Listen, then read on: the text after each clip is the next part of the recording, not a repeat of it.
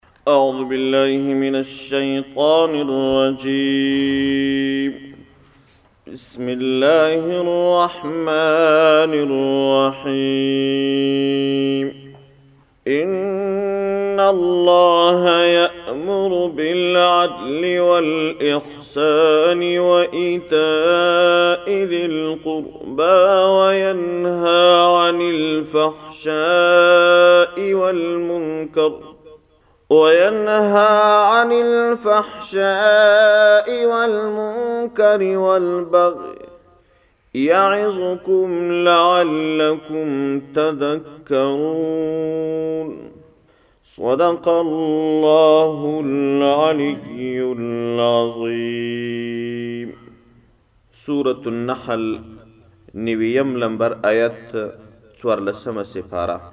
دا آيات کريمه د ټول قرآن کريم جامع ترين آيات دی ياندي دا هغه آيات کريمه دی چي د قرآن کريم تمام احکام په اجمالي ډول باندي په دي آيات کريمه کي بيان سوي دي او دا د هغه آياتونو څخه دی چي بيخي زيات مفاهيم د قرآن کريم پکښي جمع سوي عبد الله ابن عباس رضی الله عنه فرمائی وای دغه آیات کریمه دا بهترین آیات کریمه په اعتبار د مفهوم د ټول قرآن کریم دی یو روایت کې راځي وای حضرت اکسم رضی الله عنه دا یو صحابي دی د دغه آیات د اوریدلو وروسته مسلمان شو حضرت اکسم رضی الله عنه دا د یو مشهور قوم امیر و سردار یې و کله چې ده ته د پیغمبر علیه السلام د رسالت خبر ورسېدی نو ده داسې اراده وکړه چې د پیغمبر علیه السلام په خدمت کې حاضر شي، د پیغمبر صلی الله علیه وسلم سره ملاقات وکړي. کله چې ده دا اراده وکړل نو د ده د قوم خلکو ورته وویل چې ته خو سردار یې، مشر یې، امیر یې، ستا لپاره مناسبه نه ده چې ته ولاړ شې، ده ته ئې یو لوړه رتبه ورکړل او په یو لوړه رتبه ئې معرفي کړي او د پیغمبر علیه السلام د ملاقات څخه ئې راوګرځوي. اکثم بن صیفي رضی الله عنه پوه انسان وو، نو په خپل قوم کښې ئې یو دوه هوښیار کسان وګمارل چې پوهان وي. معلومات ښه کولای شي. دا دوه کسان ئې وګمارل او ورته وې ویل چې تاسو به ولاړ شئ او د پیغمبر علیه السلام خبرې به واورئ او وبه ګورئ چې دا څنګه پیغمبر دی او څه ئې راوړي دي او څه وایي. هغه دوه کسان چې د پیغمبر علیه السلام حضور ته راغلل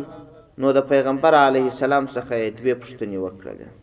یوه پوښتنه ئې دا وکړل، قل من انت؟ او دوهمه پوښتنه ئې دا وکړل، وما انت؟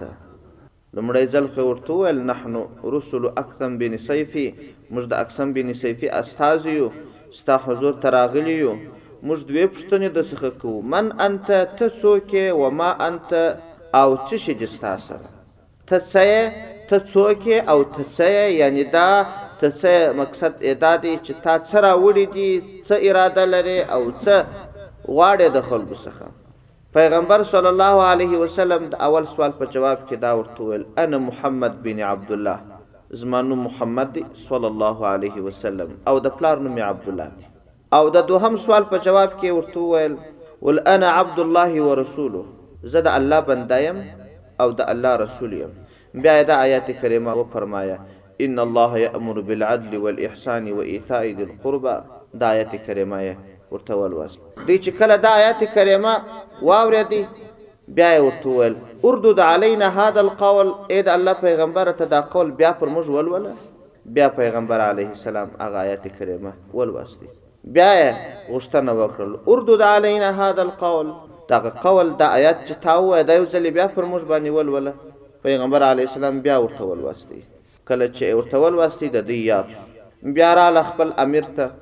او اکثم بن صیفی ته هغه تې وویل چې زموږ زموږ مقصد خو دا وو چې دی د خپل نسب څه معلومات راکړي چې زه د څنګه شریف نسبه څخه یم او د څنګه پرمختللي او باعزته نسب څخه یم خو ده د نسب د معلومات په اړه هیڅ معلومات رانه کړي فقط دا یې وویل انا محمد بن عبدالله خپل نوم او د پلار نوم یې وښودی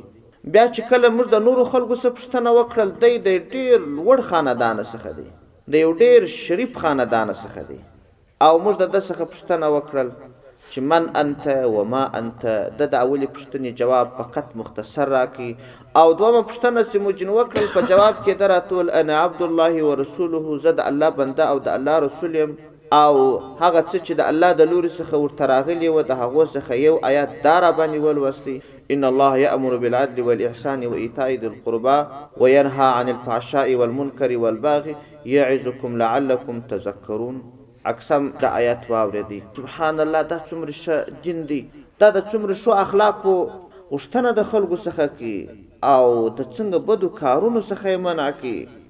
نو بیا یې و خپل قوم ته وویل چې تاسو به ټول اسلام راوړي او دا خبره واورئ چې کله مو اسلام راوړئ نو فکونو فی هذا الامر رؤوسا ولا تکونو فیه اذنابا تاسو به په دې دین کې سرونه د دې دین جوړېږي لکیانې بې نه جوړېږي یعنې داسې عمده عمده مسلمانان به جوړېږي چې سر د دې دین جوړ شي او داسې کمزوري مسلمانان مه جوړېږي چې د شا د خوا مو په قتل لاس پورې نیولی یا هغه عمده عمده هغه با قوته با همته مسلمانان جوړ سي بیا اکسم بن صیفي اسلام راوړي او یو بل روایت کي راځي عثمان بن مظعون رضي الله عنه دا د نبي علیه السلام رضعي ورور دي یو عثمان بن عفان دي یو عثمان بن مظعون عثمان بن عفان رضي الله عنه امیر المؤمنین خلیفة الاسلام هغه بیل صحابي دي دا عثمان بن مظعون د پیغمبر صلی الله علیه وسلم رضعي ورور دي دی وايي، ما په شروع کې اسلام قبول کړی و، مګر د دې خلکو په وجه باندې به مې په زړه کې څه خدشې وې، څه خاشې به وې، خلکو به خبرې راته کولې یو ډول و بل ډول، خو کله چې مې دا آیات کریمه د پیغمبر علیه السلام په حضور کې واورېدی، یو ورځ د پیغمبر علیه السلام په حضور کې ناست وم چې وحې ورباندې نازلې شوې، پیغمبر علیه السلام چې به وحې نازلېدلې، بېل بېل حالات به ورته پېښېدل، نو چې پر پيغمبر علیه السلام وحې نازلې شوې، دا آيات چې مې واورېدی، نو پر دې دين باندې عاشق شوم او دا مې وويل چې يقيناً دا ښه دين دی، ان الله يأمر بالعدل والاحسان وإيتاء ذو القربی، او په مکه مکرمه کې يو بل مشهور سرمايه دار او سردار وليد بن مغيره کافر تر دنيا تېر شوی دی. د مکې مکرمې د خلکو څخه د سردارانو څخه وو او دا هغه د دوی د لوړ پوړو خلکو څخه وو هغه چې دا آیت واورېدی، ان الله یأمر بالعدل والاحسان وایتاء ذی القربی. ډېر حیران پاتې شو، وویل، زه تعجب کوم په دې قرآن کې یو عجیب خوږوالی دی. او دا عجیب کلام دی څومرې ښایسته دی څومرې د ښو اخلاقو هدایت کوي او د څومرې بدو اعمالو څخه منع کوي وما هذا قول البشر دا قول د انسان نه دی د انسان په طاقت کې نشته چې دومرې ښایسته وینا دې وکړي د انسان په طاقت کې نشته چې دومرې خوږ کلام دې خلکو ته واوروي خو بدبخت کافر تر دنیا تیر شوی دی اسلام ئې نه دی قبول کړی. په هر صورت په دې آیات کریمه کې الله جل جلاله د درو خبرو امر کوي او د درو خبرو څخه منع کوي ان الله یامرکم بالعدل والاحسان وایتاء ذی القربى الله عز وجل خپل بندگان امر کوي وای تاسو به عدل کوي احسان به کوي او د قریبانو حق به ادا کوي د جې درو خبرو امر کوي او د درو خبرو څخه الله عزوجل په دې آیت کریمه کې منع کوي وایي فحشا کارونه به نه کوئ، بې حیا کارونه به نه کوئ، منکر، بد کارونه به نه کوئ، بغیه، سرکشي، ظلم به نه کوئ. دا چې عدل څه ته وایي، احسان څه ته وایي، په دې اړه باندې مفسرینو بېلا بېلې خبرې کړې دي. عدل اصلا برابروالي ته ويل کيږي، اعتدال، کله چي د دوو کسانو تر مابين څه مخالفت وي نو ته يوه داسي پريکړه وکړې چي نه د يوه حق بل ته ولاړ سي او نه د بل حق و هغه اول ته ولاړ سي، داسي د انصاف او د برابري چي هر يوه ته برابر برابر حق ورسيږي دا خو عدل شو؟ بعضو مفسرینو یا بعضو روایاتو کې راځي وای عدل دې ته ویل کیږي چې ته برابروالی د ظاهر او د باطن وکه، ګوره مسلمانه که چیرې ته په باطن کې مسلمان یې او دا دې یقین وي چې الله واحد او لاشریک ذات دی،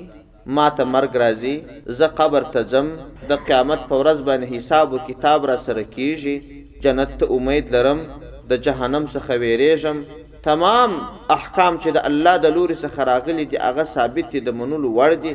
که چیرې ستا دا عقیده وي نو دا خپل ظاهر دې هم د باطن سره برابر کړه. ظاهر، اخلاق، اعمال، اقوال دا دې هم د باطن سره برابر که. ګوره په خوله باندې درواغ مه وایه، غیبت مه کوه، بهتان مه وایه، پوچ رد مه وایه، بې حیا خبرې مه کوه، د دین د خلاف په مخالفت کې خبرې مه کوه، د دین مقابله مه کوه. دا خپل شکل دې هم پر شریعت برابر جوړ که. دغه ستا لباس، ږیره و، سر و، لنګوټه و، کالي دا دې هم پر شریعت برابر جوړ که. الله د دي شي امر درته کوي عد د عدل امر درته کوي څه معنی دا خپل ظاهر دي د باطن سره برابر که او داسي هم مه کوه چي ظاهر دي پر شريعت برابر جوړ کړي وي خو باطن دي خراب وي برابروالی د ظاهر او د باطن وکه. یعنی ظاهر چې د کم اقوال، افعال، لباس، شکل، عمل دی دا دې د باطن سره برابر که، باطن کې که رښتیا اسلام وي ظاهر مو سره برابر که او که دې په ظاهر ځان جوړ کړی وي ظاهر دې رښتیا اسلام وي باطن دې هم اصلاح که او بعضو علماوو داسې فرمایلي دي چې عدل دا معنی چې د خپل نفس او د الله تر مابینځ عدل وکړه د الله حق هم ورکه د الله حق هم ادا که د نفس حق دې ادا که د نفس حق څه دی داسې وکه چې ستا څخه نفس د کم شي تقاضا کوي او الله عز وجل د یو بل کار امر درته کوي داسې مکه و چې نفس پر هغه مقدم کې نفس ډیر ټیټ دی د الله امر پر مخ کې دی دا نفس را شاته کول او د الله حکم مخ کې کول دا د نفس حق دی چې نفس را شاته کې نفس ټیټ کې الله جل جلاله درته امر کوي وایه لمونځ پنځه وخته په جماعت وکه نفس درته وایې چې یو وخت دوکانداري کوه پروا نه کوي ګراکان خو هر وخت نه پیدا کیږي بل وخت دي پر خوب باندې امر کوي بل وخت وایې ځه دا دی بانډارو مجلس شروع دی بل وخت دي دلاسه نه کیږي نفس دی میله و شوق یې دلاسه کیږي جماعت او مسجد ته تلل ئې دلاسه نه کیږي نفس دا درته وایي. او د الله استازي الته درته ژغ کی حي علی الصلاه حي علی الفلاح د الله استازي درته ژغ کی وای راسه مسلمان ورور لمانځه ته راسه راسه که خلاصون غواړې دا دې ځای دی راسه الله درته وای راسه نه ته درته وای مزه مرزه اوس نو ته څنګه کې ستا څنګه خوښه ده د الله حکم منې او که د نفس حکم منې نو بعضو علماو دا حکم ځینې اخستی دی وایي نفس او د الله تر مابینځ عدل وکه د الله حق ورباندې مخکې که د الله حکم ومنه نفس که درته وایي دوکانداري وکه دوکانداري پرېږده که نفس درته وایي مجلس وکه مجلس پرېږده که نفس درته وایي د لاسه دې نه کېږي د لاسه یې وکه او لاړ شه دا عدل دی الله چې د عدل امر کړی دی د عدل څخه مقصد دا دی. یو بل روایت کې بل تفسیر لیکلی دی وای عدل مقصد دا دی چې ته د ځان او د خلکو د الله د مخلوق ترمنځ عدل وکړه تا چې کم شی د خپل ځان لپاره خوښ دی کم کار چې د خپل ځان لپاره خوښ دی هغه د مخلوق لپاره هم خوښ کړه داسې مکوه چې د ځان لپاره دی ډیر شی خوښ دی او د مخلوق لپاره دی ډیر شی نه دی خوښ نو په دې اړه باندې وایي بعضې علماوې، علماء تحقیق کوي وایي د انسان اخلاق دوه ډوله دي، یو شخصي اخلاق دي، یو وجداني اخلاق دي. شخصي اخلاق د انسان دا دي چې یو سړی یو عمل وکړي دستي ئې شخصاً ده ته ګټه ورسېږي. یو سړی دې په مجلس کښې ادب کوي، یو سړی دې د یو چا سره احسان کوي، یو سړی دې د یو چا قدر کوي، دا شخصي اخلاق دي، ګټه ئې دستي ده ته رسېږي. او یو وجداني اخلاق دي. وجداني اخلاق دغه دي چې فی الحال ئې نه ده ته ګټه رسېږي، په نه کولو کې ده ته تاوان نه رسېږي، خو د وخت په تېرېدو سره د ده په وجه باندې ټول اولس ته تاوان رسېږي. د مثال په ډول باندې، ته را روان یې، باران وشو، اوبه رالې، ستا و څنګ ته یو بل سرای دی، همسایه دې دی، هغه په کور کې څوک نه لري یا یې سرای خالي ولاړ دی، په سرای یې اوبه ننوځي، نو ته داسې وکړه دغه اوبه ځنې بندې کړه ددغه مسلمان ورور حق دي اګر چې تۀ پېژنې کۀ نۀ پېژنې لرې يې کۀ نږدې يو ځای را روان ياست ستاسو د ټول کلي پول دی اوبه تر وځي اوبه راللې دا پول نړۍ بند دی نو ته دا مۀ وايه چې ځه زما يې په څه دا نورو خلکو کۀ کاوه زه بۀ هم وکم کۀ نۀ کوئ نو زما څه سر خوږيږي وايه چې سر دې نۀ خوږيږي داغ مۀ پرېږده يا ته په ځان کې همت پېدا کړه نور خلک دې نۀ کړي. او که ستا په وجه باندې دغسې یو شي ته تاوان رسېدی چې ستا د ټول کلي او د محل تاوان و، اګر چې شخصاً خو به تا څوک تر لاس ونه نیسي، شخصاً خو به تا د دسې تاوان نه وي، منګر وروسته بیا تا د ټول کلي، محل، نقص وي، دا بیا وجداني اخلاق دي. نو ته عدل، برابروالی، وکړه د خپل حق او د نورو خلکو د حق. خلکو ته خپل حق ورکه ځان ته خپل حق ورکه ځان ته چې څومره حق ورکه هغه ورور مسلمان ته هم حق هم ورکه دا سمه کوه چې د مسلمان کار چې تا ته وسپارل سي کاغه کار ستا خپل وای شدي کاوه چې د مسلمان کار دی ځات سي کوم چې په وسه مې څه په وسه کیږي هغه به وکم یا د هر مسلمان کار چی داسی به بولی لکه د خپل کار نو د الله عزوجل دا حکم تا ومنی او که دی چیری د خپل ځان د خپل کار د خپل تجارت د پاره دی یو رکم تګلاره وه د نورو مسلمانانو د پاره دی بل رکم تګلاره وه نو په دغه حکم دی عمل نه دی کړی چی ان الله یامرکم بالعدل الله د عدل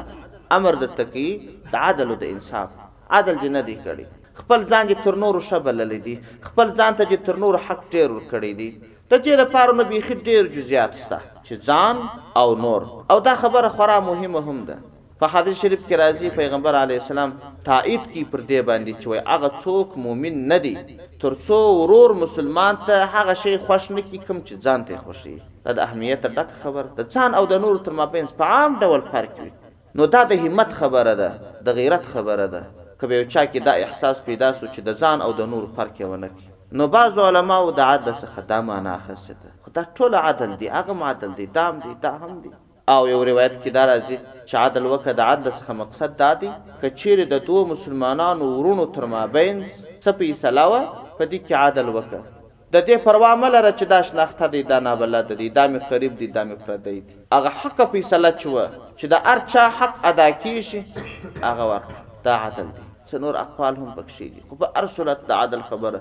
ډېره مهمه ده. هغه د عدل خبره په هر لحاظ باندې پر انسان باندې عملي کېږي، نو اول شی الله عزوجل دا امر درته کړی دی. وای عدل وکه او دوهم شی چې الله تعالی عزوجل په دې آیت کریمه کې امر په کړی دی هغه احسان دی ان الله یامرکم بالعدل والاحسان احسان څه ته وای احسان په لغت کې شایست ته ویل کی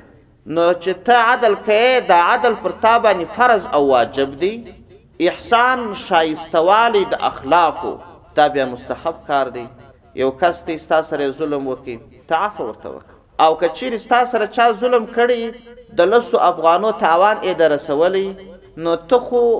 که چیری د هغه کس څخه په قط لس افغانی اخلی دا خو در باندی واجب ده بلا بد اخیستل درته حرام دی دا خو عدل شو چی تا په قط لس افغانی تاوان ئې د رسولی وو لس افغانی دی ځنی واخیستلی او که دی چیری ور معاف کړلی دا بیا احسان شو دا ستا اخلاق نور ښایسته شو. عدل خو پر تا واجب دی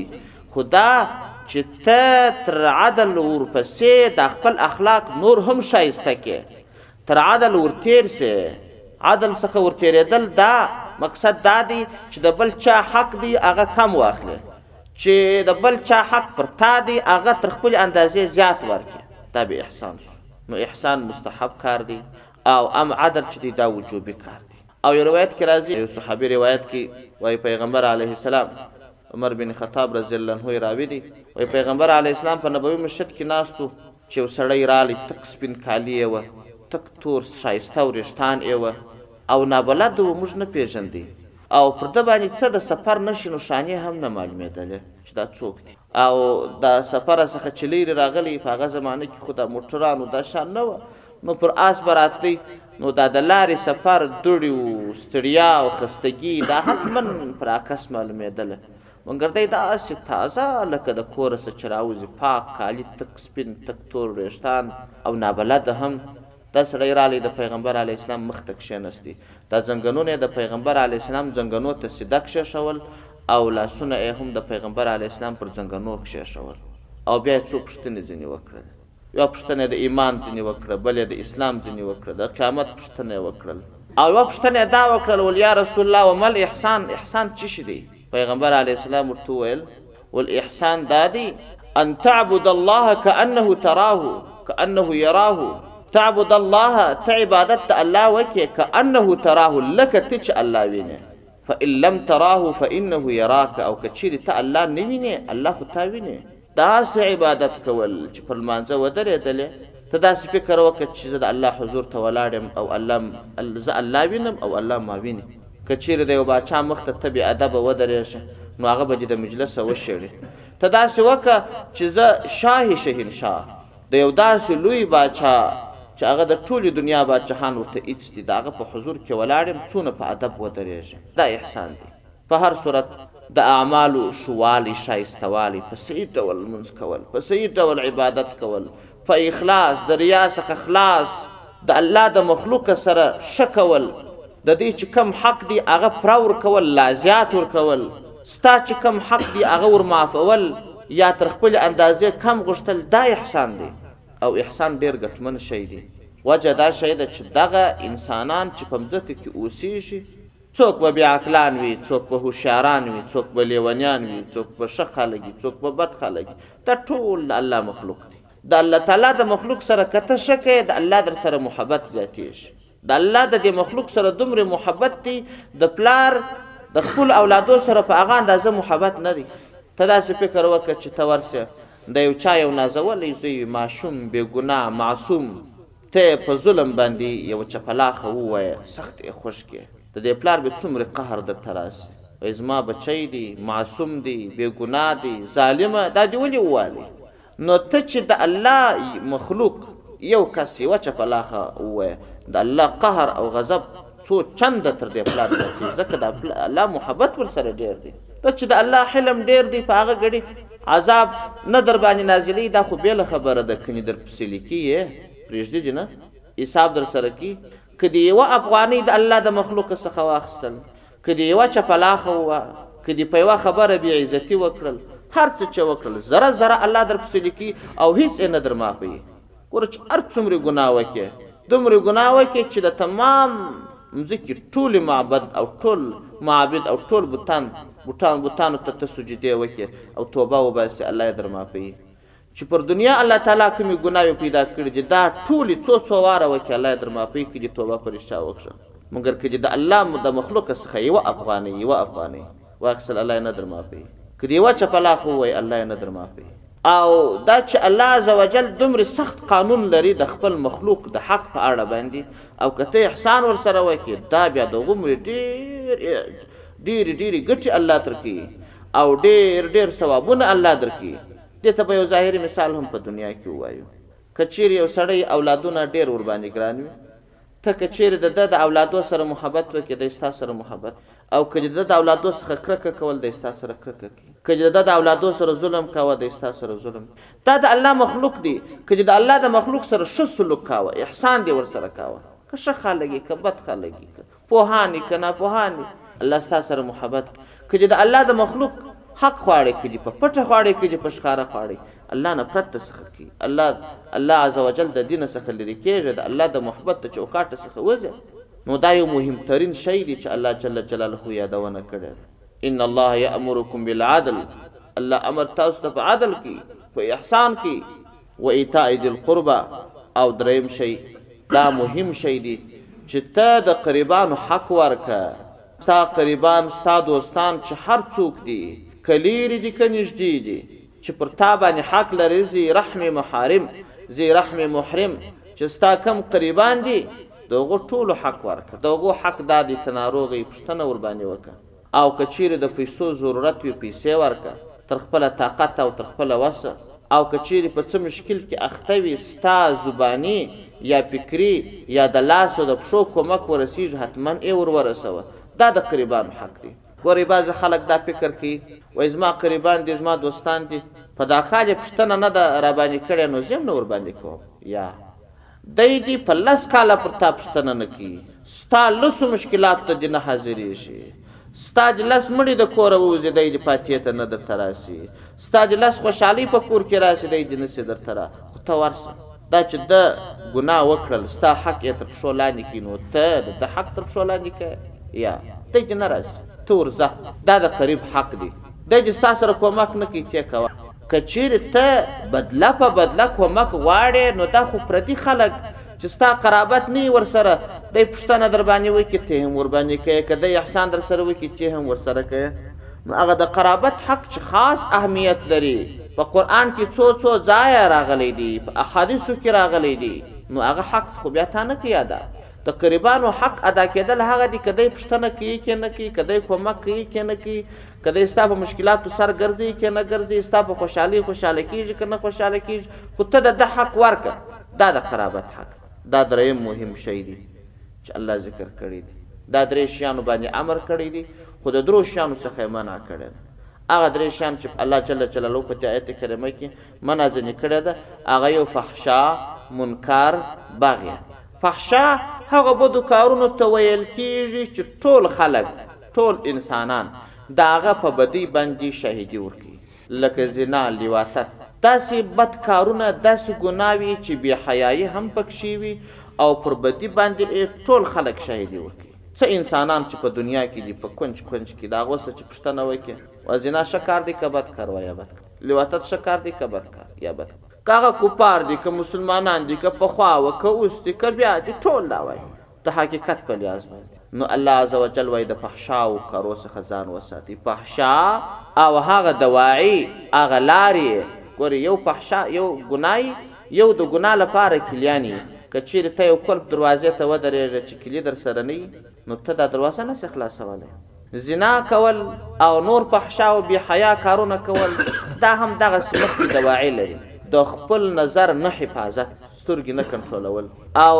په خصوصاً په اوس زمانه کې چې دا تلویزونونه وو او فلمونه وو دا د ښځو عکسونه پکښې پورته او کښته کېږي د دې څخه ځان نه ساتل دا ګوره دا زینې دي د زنا لپاره چې زینې بام ته پرتې نه وي ته نه شې بام ته ختلی او که دې زینې ورته کښېښولې په زینو کې ور روان شولې نو وختلې ته که د دغه شیانو څخه ځان نه ساتې نو بس په زنا کې واقع شوې د دې څخه به هم ځان ساتې. منکر بیا هغه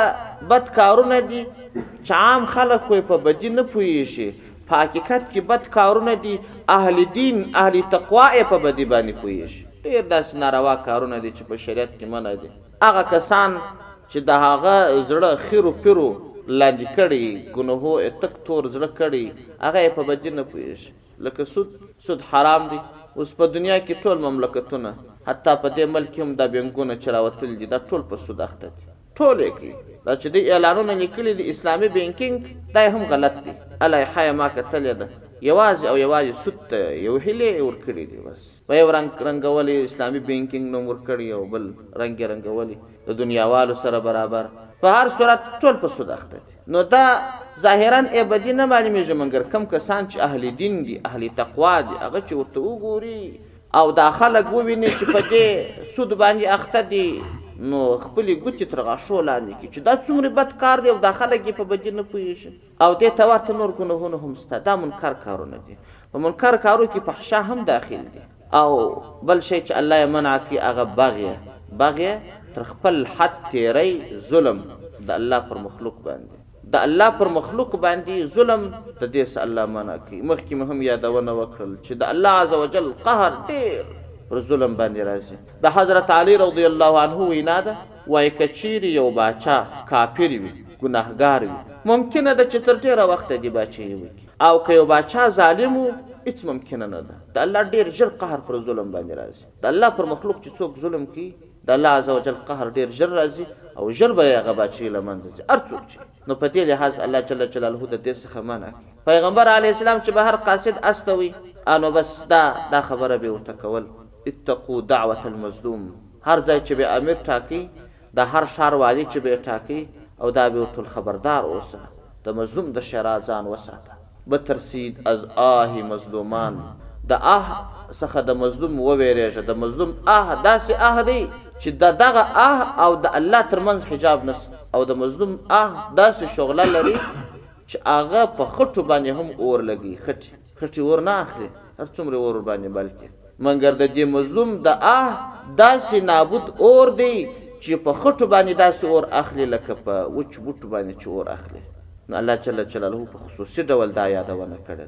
ظلم نو که لږ کوې که ډېر کوې که د یوې افغانۍ ظلم د یوې افغانۍ چم د چا سره کئ دام ظلم دي که د چا غیبت کئ دام ظلم دي که بهتان ورباندې وایه دا هم ظلم دي او که چیرې د ده په کار کې خلل اچئ دا هم ظلم دي. و هر شي ته هر حق که د ده ظاهري که باطني که مخامخي که په شا لای دا ټول ظلم دي بس د دې څخه به ځان ساتي مهم ترین شئ دي دا شپږ شیان په دې آیت کریمه کې بیان شوي دي د دروشیانو امر ئې کړی دی، د دروشیانو منع ئې کړې ده. دا تقریباً په اجمالي ډول د ټول دین احکام په دې آیت کریمه کي سته. دومره تحقیق دی په دې آیت کي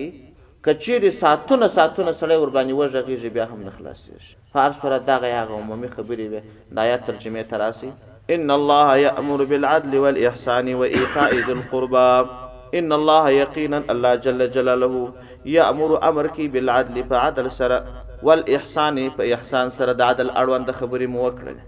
او د احسان اړوند خبرې مو وکړلې وايتاء ذي القربى او په ورکړه سره امر کوي چې ته ورکړه وکړې وقريبانو ته د خپل حق خپل حق وقريبانو ته ورکه. وینها منع کړي الله جل جلاله عن الفحشاء د بې حیا او ښکاره بدو کارونو څخه، والمنکر د ټولو ګنوهونو څخه، والبغی او د ظلم څخه الله جل جلاله منع کړي، یعظکم پند درکړي الله جل جلاله و تا ته، و تاسو ته، و تاسو ته پند درکړي تاسو ته حقیقت ښیي، لعل د پاره د دې چې کوم تاسو تذکرون تاسو پند حاصل کړي. ګوري عدل وکړي د الله حقوق ورکړي ټول حقوق دا یو عدل کې ارڅ خلاص او احسان وکړي د الله حقوق کې